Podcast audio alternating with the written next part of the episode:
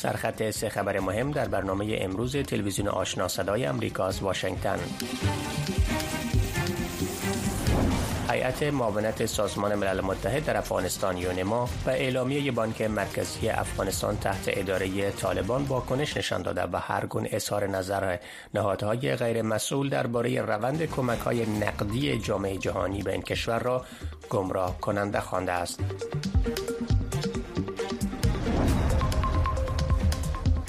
صدر نیپال بعد از حادثه سقوط یک تیاره پرواز داخلی آن کشور که حداقل در آن 64 تن جان باختند جلسه اضطراری را برگزار خواهد کرد. و آیشه وهاب که اولین زن امریکایی افغان تبار راه یافته به مجلس سنای ایالتی در ایالت کالیفرنیا ایالات متحده امریکاست می‌گوید صرف نظر از هر وابستگی می‌خواهد به مردم کمک کند سلام بینندگان گرامی به برنامه امروز خوش آمدین. امروز یک شنبه 15 ماه جنوری سال 2023 میلادی هست. برنامه امروز به طور مستقیم از طریق وبسایت و فیسبوک تلویزیون آشنا صدای آمریکا نشر می شود البته یادآور میشم که برنامه به گونه مستقیم روی موج متوسط 972 کیلو هرتز از طریق رادیو هم به نشر می رسد با ما باشین من محمد احمدی هستم. در برنامه امشب در کنار سایر گزارش ها و خبرها از جهان همکارم ژیلانوری در استودیو با من هست در مورد واکنش ملل متحد یعنی یونیما به اعلامیه بانک مرکزی افغانستان تحت اداره طالبان گزارش خواهد داد. اداره طالبان گفته است که از ارسال کمک های نقدی به افغانستان از سر گرفته شده است و برای بررسی وضعیت امنیتی در کابل و علل و عوامل افزایش انفجارات و جرایم جنایی با آقای احمد سعیدی دیپلمات پیشین و عضو سابق ولس جرگه افغانستان صحبت می‌کنیم. با ما همراه باشید. نخست خبرهایی از افغانستان. مقام های امنیتی طالبان در کابل از کشته شدن مرسل نبیزاده عضو پیشین ولسی جرگه افغانستان با یک محافظش در کابل خبر دادند. خالد صدران سخنگوی قماندان امنیه طالبان در کابل با ارسال پیامی به صدای آمریکا گفت که خانم نبیزاده شب گذشته توسط افراد مسلح ناشناس در ساحه احمد شاه بابا از مربوطات حوزه 12 امنیتی شهر کابل کشته شده است. گفته می شود که مهاجمان مسلح دیشب بر خانه این عضو پیشین مجلس نمایندگان افغانستان یورش برده و پس از حمله از محل فرار کردند زدران افزود که در این رویداد برادر مرسل نبیزاده زخمی شده است. تا اکنون انگیزه این رویداد روشن نشده و سخنگوی قماندانی امنیه طالبان در کابل از ارائه معلومات بیشتر در این مورد خودداری کرده است. گفته می شود که نوزب پیشین مجلس نمایندگان پس از حاکمیت طالبان در افغانستان باقی مانده بود و در کابل زندگی می کرد خب طوری که در خبر هم ذکر شد مرسل نبیزاده عضو پیشین ولسی جرگه افغانستان با یک محافظش در کابل توسط افراد ناشناس کشته شد. در هفته اخیر جرایم جنایی و انفجارات در کابل افزایش یافته و ادامه این وضعیت نگرانی های باشندگان کابل را بیشتر کرده است. اما پیش از این مقام های طالبان در کابل افزایش جرایم جنایی در این شهر را رد کرده بودند و گفته بودند که به هدف جلوگیری از تردد افراد مسلح روند توزیع یونیفرم به افرادشان را آغاز کردند. برای بررسی وضعیت امنیتی در کابل. و علل و عوامل افزایش انفجارات و جرایم جنایی با آقای احمد سعیدی دیپلمات پیشین و عضو سابق ولس جرگه افغانستان صحبت می‌کنم آقای سعیدی سلام روزتان بخیر. شما پیشینه کار در ولس جرگه افغانستان را دارین. شناخت شما از خانم مرسل نبیزاده در ولس جرگه افغانستان تا چه حد است؟ به نظرتان دلیل کشته شدن او چی می‌تونه باشه؟ شما می‌دونید که قتلای زنجیری بعد از حاکمیت طالبان به اوج خود رسیده یک پی دیگری به های مختلف کشته میشن و هیچ کس مسئولیتش نمی‌گیره خانم مرسل نبیزاده زادگاهش ولایت ننگرهار است. و این اضافه تر است 1500 رای عضوی ولوسی جرگه شده بود. خانم فعال بود. یک تعداد خانم ها و مرد های جرگه که پاسپورت نداشتن یا قرار نداشتن نتوانستند افغانستان ترک کنند متاسفانه موندن در روزا گفته میشه اطلاعات وجود داره که تصمیم گرفته شده که اشخاص و افرادی که قبلا در کماندوی افغانستان همکاری داشتن کار می‌کردن اعضای ولسی جرگه و همچنین ارگان های امنیتی دولتی بخش نظامی باید نشانه گرفته شن و از بین برده شن. او خاطر خانم مرسل نویزاده هم شب گذشته در خانه ایش در نزدیکی حوزه مربوط یعنی نزدیکی حوزه پلیس مربوط طالبان مسئولیت دارن؟ کشته شده و طالبان هیچ کسی را گرفتار نکنند گرفتار نکردن بدون تردید بدون همکاری و بدون اشاره طالبان همچه اعمال جنایتکارانه نمی‌تونه صورت آقای سعیدی شما پیشتر اشاره کردین که ظاهرا طالبا پلان دارن که بعضی از نیروهای نظامی پیشین و کارمندان را هدف قرار بتن اشاره شما یا اظهارات شما بر چه اساسی هست؟ آیا بر اساس منابع مشخصی هست که ذکر شده یا شواهد قرائنی که شما ارزیابیتون هست ای را بیان می‌کنید ارقامی که از طرف نهادهای ملی و بین المللی بی طرف منتشر شده. در حدود 700 نفر از نظامی ها از بعد از آمدن طالبان تا حال طلوع شده. کشش روز گذشته دو نفر طالبان در بغلان در محضر عام از های امنیت ملی سابقه به دار آوختن دو نفر. خانم مرسل هم کشتن. پشت میله زندان چند روز پیش یک جنرال ایران آقای مجاهدیار پشتن. شما هم خبر دارین مطبوعات دنیا خبر داره حاجت نیست که ما تبصره کنیم بله آقای سعیدی چندین روز پیش حمله انتحاری بر کارمندان وزارت خارجه در کابل صورت گرفت که عاملانش مشخص نشد.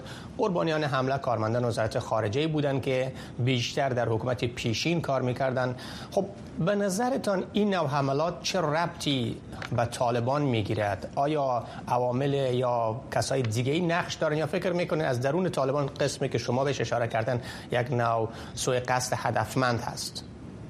وزارت خارجه افغانستان یا نهاد دیپلماتیک در افغانستان طی 20 سال که طالبان حملات انتحاری را انجام می‌دادن در کابل مسئول و هیچ نوع صدمه ای به او وارد نشد.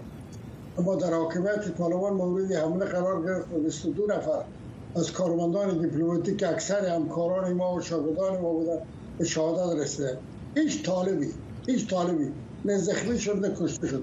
حتی گفته میشه که وقتی که حمله انتحاری صورت گرفته بود بعدا توسط فرهای مسئولین پیگدار که از طالبان هستن هم یک تعداد کشته شد شما اگر به افغانستان بدون شک بلد دارین اگر راهنمایی در داخل وجود نداشته باشد این کار صورت گرفته نمی‌تونه مثلا وقتی که شما به چهارراه ملک اسقر می‌رسیم یک پوسته است. بعد از اون میایم تجارتخانه داوودزه است. این پوسته دوم است. بعد از اون سیستم وزارت خارجه است. اگر از طرف اکادمی بیاید پوسته اول است بعد از پوسته امنیت است بعد از پوسته صدارت است بعد از بله. یعنی بعد از 50 تلاشی باید آدم اونجا برسه. بله. چطور تونست اینطوری بعد از 50 تلاشی بیای و او هم کسانی را نشانه بگیره که همه کارمندان سابقه بودن. بله. نه دوری موجود در حالی که چین در حالت مذاکره بود. آقای سعیدی فرصت بسیار کم هست به صورت کوتاه. یک از مباحثی که در جریان هست تلاش ها ظاهرا برای تشکیل یک حکومت همه شمول در تحت حاکمیت طالبان هست. اگرچه تبال جزئیات نشر نشده. اما به نظر شما آیا با طالبانی که مفکوره های ضد آزادی زنان را در تمام عرصه ها دارند مقام ها و رهبران ضد طالبان خواد در کنار طالبان در یک حکومت مشترک گرد هم جمع شوند بپذیرند؟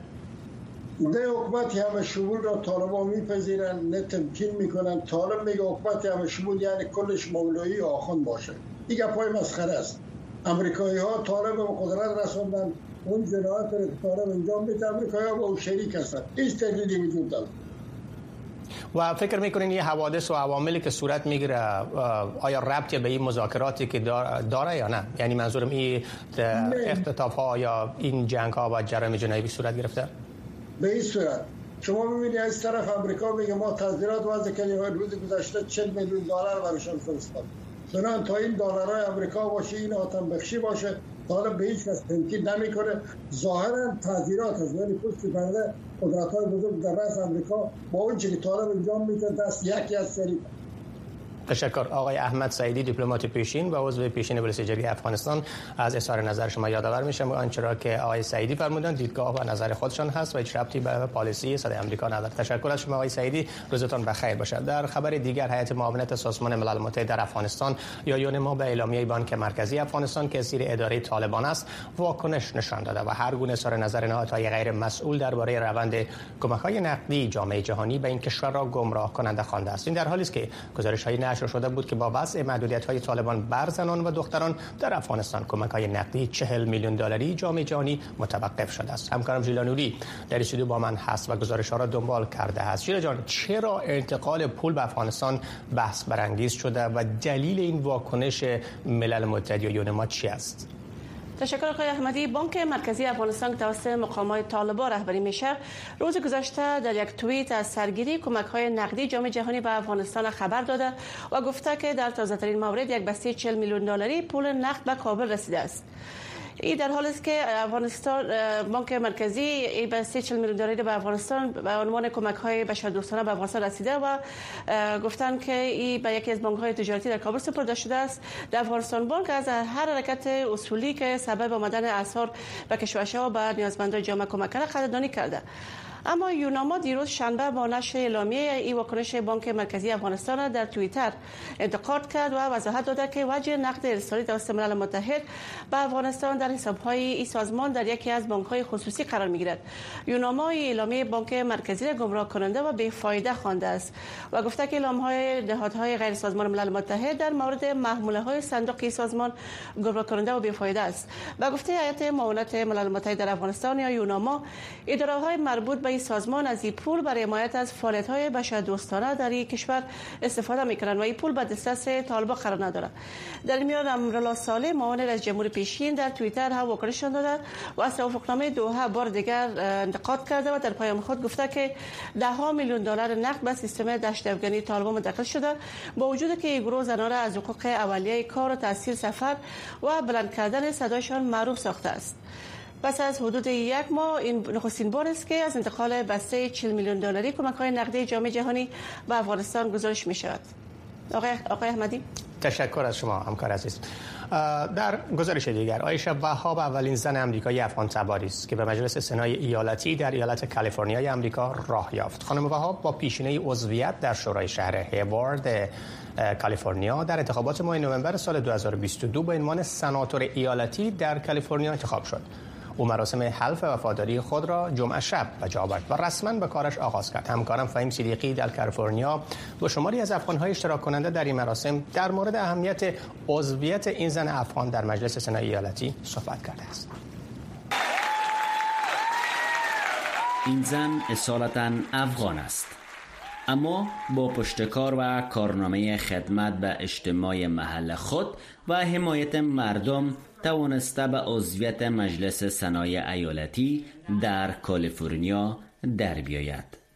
جایی که در امر قانونگذاری و رسیدگی به مشکلات همان مردمی که از او حمایت کردند کار خواهد کرد.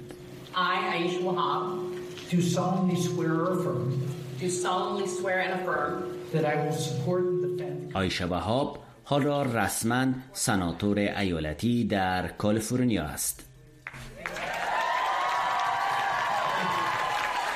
افغان که اینجا رسیدن در state کالیفرنیا ما بسیار کوشش می‌کنیم که کمک کنیم امروی governor کار می‌کنیم governor یک چند تا افغان هم داره در office خود که ما همیشه یک جای تماس داریم که کمک کنیم افغان ها که اینجا هستن برخی افغان های اشتراک کننده در مراسم تحلیف خانم وهاب حضور یک فرد که پشتیبان افغان های ساکن امریکا باشد را بسیار مهم می دانند تعداد زیاد آمدن به امریکا و شدن و البته اینا سپورت بسیار کلان کار داشتن و کلان کار دارن هنوز بسیار بسیار موضوعات است. خود اتحادیه افغانا در قدم اول و یک چیز بودی در سطح کلانتر خانم شواب در قسمت ازی که بتانن اینا را به صورت اساسی و سیستماتیک چون خودش عضو برد هیئت مدیره اتحادیه افغانا بود. می‌فهمد تمام موضوعات داخل است. از پایان بالا شده از بالا به پایان نامده. بنان ما یقین دارم که در این قسمت ما را خود اتحادیه افغان را همکاری می‌کنه و در صورت کلانتر در در بالا جایان به صلاح کمک می‌کنند. اما در فاصله هزاران کیلومتر دورتر از اینجا در افغانستان زنان در شدیدترین محرومیت و ممنوعیت حقوق اساسی و اجتماعیشان در حاکمیت تحت تسلط طالبان قرار دارند. برخی زنان افغان ساکن امریکا که در مراسم تعلیف خانم وهاب شرکت کردند بر این باورند که فرصتهای آموزشی و اشتغال برای زنان در هر جایی که باشند تأثیرات مفید آن به جامعه برمیگردد. هر حالی که ما ملاحظه کنیم در ظرف دو سال گذشته که اینا به سیتی کانسل بودن اینا بسیار کمک کردن و کوشش کردن که مسئله هاوزینگ به خانواده های افغان و نان افغان اینا کمک کنن که صاحب خانه و اوزنگ اینا شوند. و فکر می‌کنم بسیار زیاد پشتکار هستن. بسیار آرزومندی های زیاد دارن. و فکر می‌کنم در آینده قریب اینا بتانن کمک کنن. نه تنها به رفیجای افغان بلکه به کسایی که خودشان باشنده امریکا هستند آیشه وهاب پیش از این عضو شورای شهر هیوار در شمال کالیفرنیا بود و فعالیت های زیادی را در اوج ورود گروه های مهاجر افغان در این ایالت انجام داده است. قبلا ما یک صدا نداشتیم به senate امریکا و هیچ جای جای بسیار مهم در House of Representative کدام صدای از افغان ها نبود. به می خاطر امی اولین قدم است که آیشه وهاب موفق شد و بتانه یک صدا برای مردم افغانستان باشد. حضور افغان ها تا کنون در عرصه های سیاسی امریکا کمرنگ بوده است. اما انتخاب بانو وهاب در صنایع ایالتی پرنفوذترین ایالت امریکا می تواند خوشبینی ها از حضور افغان ها در این عرصه را افزایش دهد. فهیم صدیقی تلویزیون آشنای صدای امریکا کالیفرنیا.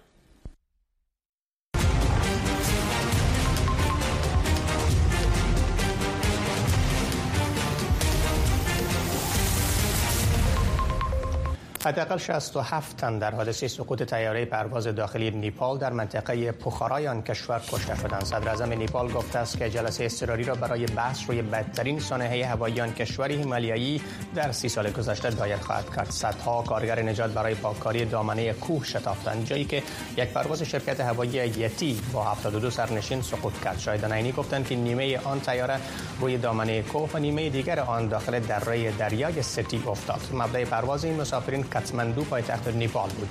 یک سخنگوی اداره هوانوردی ملکی نیپال گفت هوا در وقت وقوع حادثه صاف بود. شیخ محمد بن زیاد آل نهیان رئیس جمهور امارات متحده عرب امروز در قصر ریاست جمهوری در ابوظبی با یون سوک اول رئیس جمهور کره جنوبی دیدار کرد. رئیس جمهور یون برای انجام یک سفر چهار روزه رسمی وارد ابوظبی شده است. به انتظار می رود در یک کنفرانس مشترک دو کشور روز دوشنبه سخنرانی کند. و همچنین با مقام های حکومتی امارات متحده عرب ملاقات کند و طی دیدارش از آن کشور عربی از پروژه های انکشافی دیدن کند مباحث بین دو کشور شامل انرژی هسته‌ای تغییرات اقلیم صحت بخش فضا زراعت هوشمند و مسائل فرهنگی است. و جو بایدن رئیس جمهوری ایالات متحده آمریکا یک اعلامیه حالت اضطراری را برای کالیفرنیا روز یکشنبه امضا کرد و طبق بیانیه قصر سفید دستور داده است که امداد حکومت فدرال برای مسایی نجات آن ایالت محلات و قبایل در ساحات متأثر از سانحه طوفان باران برسد. یک موج دیگر طوفان‌های باران در این ایالت طی دیروز امروز رخ داده است. گاوین نیوسام والی ایالت کالیفرنیا یک روز قبل در اعلان عمومی از رئیس جمهور کشور خواست تا دست به اقدام شود. یک رشته تغییر جوی از 26 دسامبر باعث دو روز طوفان‌هایی در کالیفرنیا شده است. این رویداد آب و هوا شامل حرکت بخار آب است که به آن شکل واقع شده کم کم نظیر می باشد این رویداد باعث جان باختن کم از کم 19 نفر شده و سیلاب، گلولای، قطع برق، تخلیه خانه ها و مسدودی جاده ها را در پی داشته است. و قصر سفید اولین مقام خود را از زمان تعهد در نشست سران امریکا و افریقا در ماه دسامبر مبنی بر این که رئیس جمهور جو بایدن و چندین عضو کابینه در سال 2023 میلادی از این قاره بازی خواهد کرد به افریقا میفرستد قرار است جنت یلن وزیر خزاین امریکا تا دو هفته آینده به سنگال، زامبیا و افریقای جنوبی سفر کند تا روابط اقتصادی با این قاره را تقویت بخشد. and I'm eager to visit your continent. As I told some of you, you invited me to your countries. I said, be careful what you wish for. جو بایدن رئیس جمهوری ایالات متحده به قولی که ماه گذشته در اجلاس سران امریکا و افریقا در واشنگتن داده بود عمل کرد. او تا دو هفته آینده جانت یلن وزیر خزاین امریکا را به سنگال، زامبیا و افریقای جنوبی میفرستد تا روابط اقتصادی با این قاره را تقویت بخشد. فکر می کنم که این اولین قدم در بسیاری از مراحل است که افریقایی ها را در این قاره دخیل می سازد اما یک پیام عمده وجود دارد با این که واشنگتن در آنجا حضور دارد و این پیام نه تنها برای افریقایی ها بلکه برای چین و روسیه است که با ایالات متحده در این بازارها رقابت می کنند مقام های ارشد وزارت خزاین امریکا می گویند که هدف از این سفر آموختن و تبادل نظر با مقام های دولتی افریقایی رهبران بخش خصوصی مالکین تجارت ها و جوانان تعمیق روابط اقتصادی بین ایالات متحده و افریقا و ایجاد فرصت های جدید برای تجارت و سرمایه گذاری است. اولین توقف سنگال خواهد بود. برای دیدار با رئیس جمهور مکی سال رئیس اتحادیه افریقا که کشورش نیز یکی از اعضای قوی جامعه اقتصادی کشورهای غرب افریقا است.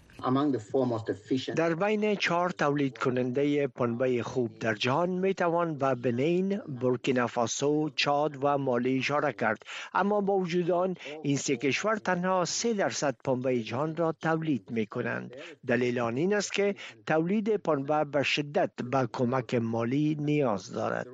به همین ترتیب زامبیا در سال 2020 اولین کشور افریقایی در زمان همگیری ویروس کرونا بود که قروض خود را نتوانست بپردازد.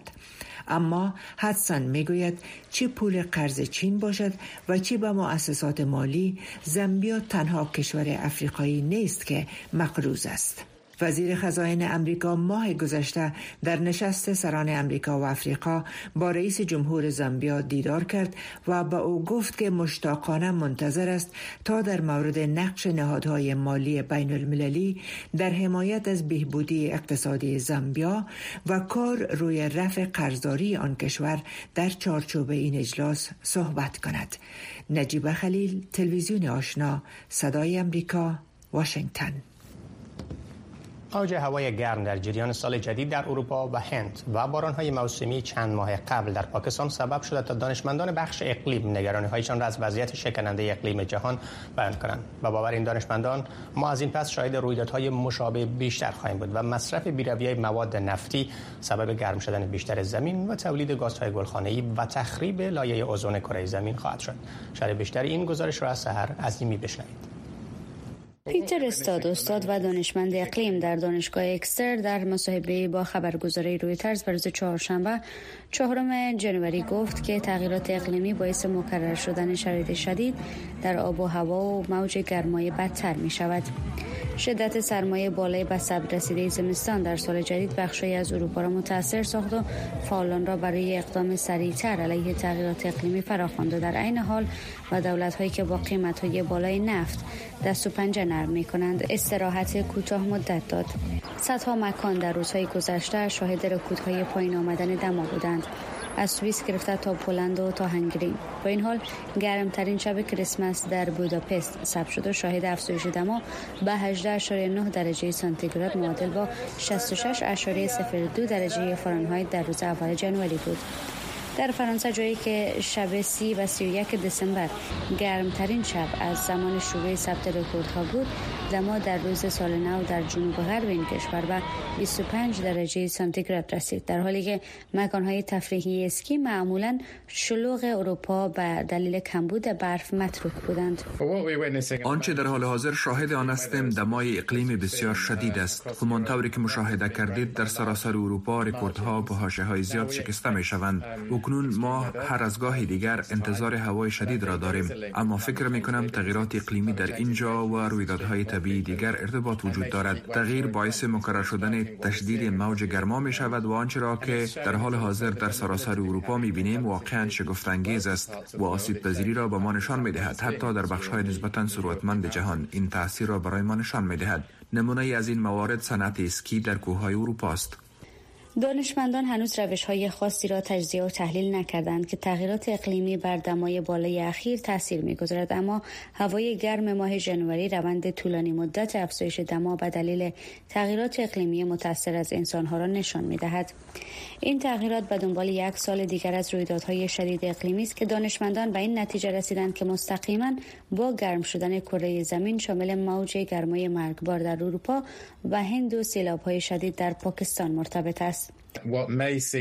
آنچه مثل یک افزایش نسبتا تدریجی در درجه حرارت کره زمین باشد ممکن دیده شود که تاثیر قابل توجهی بر بد شدن وضعیت اقلیم خواهد داشت.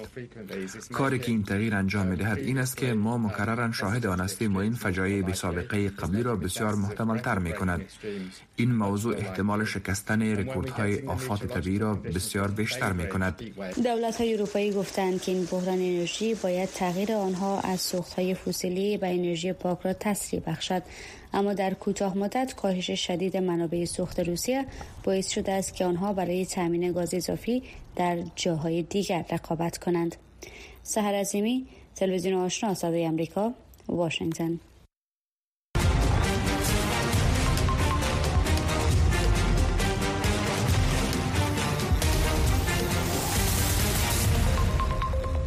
گزارش هم از افغانستان. شاروالی هرات برای تداوی معتادان و مواد مخدر در این شهر از راه اندازی برنامه جمعآوری کمک های مردمی خبر داد و مسئولین در کنار جمعآوری کمک های مردمی از ادارات دولتی این ولایت خواستند تا یک درصد معاش کارمندان خود را در هر ماه برای تداوی معتادان اختصاص دهند.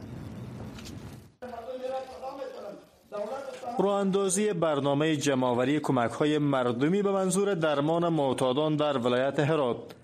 اینجا صدها تن از اخشار مختلف به شمول وکلای گذر و مسئولان نهادهای حکومتی جمع شده تا راه و چاره را برای درمان معتادان این ولایت پیدا کنند. شاروالی هرات در این برنامه طرح را ارائه می کند که در آن نقش مردم در تداوی معتادان برجسته شده است. از مردم شریف ولایت هرات از وکلای گذر رؤسای شورا این پروسه را شروع کردیم و انشالله پول جمع آوری می‌کنیم و متعاددین جمع آوری می‌کنیم تا از مرگ میر از جلوگیری شود. طرح طوری است که هر اداره دولتی و غیر نظامی و غیر نظامی. یک فیصد معاش خود از زمانی که معاش می‌گیرن رسن بره با اکانت جمعوری متدین تمام به توافق رسیدن که به می هفته به می هفته ان تاخیر می هفته همه ادارات اول شهرولی اقدام کرد عملا. دیگه ادارات هم ان اقدام می‌کنه. در این برنامه تک کاغذ هایی که بر اساس آن کمک های مردمی جمعآوری می شود از سوی شاروالی هرات به شرکت کنندگان توزیع می شود وکلای گذر که در این روند سم گرفته بر همکاریشان در تطبیق این تر با شاروالی هرات تاکید می‌ورزند. ریاست اداره شورولی واقعا تصمیم قاطعی گرفته و ما هم در کنار از اونها هستیم امیدواریم که کسانی که در رأس حکومت امارت اسلامی قرار دارند کسایی که خورده فروشی می‌کنند مواد میفروشند مواد مخدر را توزیع دارند و اونا رو پیگیری کنه و به اشد مجازات برسانه مسئولان مبارزه با مواد مخدر در ولایت هرات نقش مردم در راستای محو پدیده اعتیاد را مهم می‌خوانند.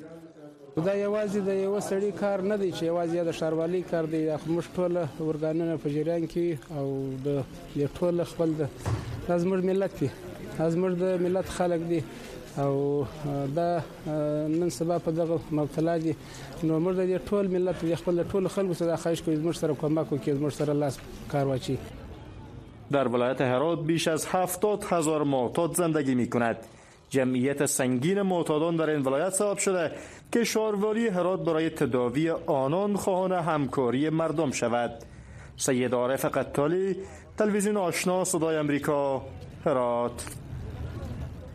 بینندگان عزیز این بود داشته های برنامه امشب تلویزیون آشنا صدای امریکا. تا لحظات بعد شما شنونده و بیننده نشرات رادیو آشنا خواهید بود که به گونه زنده آن را خواهید تماشا کرد. البته برای فیسبوک و وبسایت هم قابل دیدن هست. تشکرش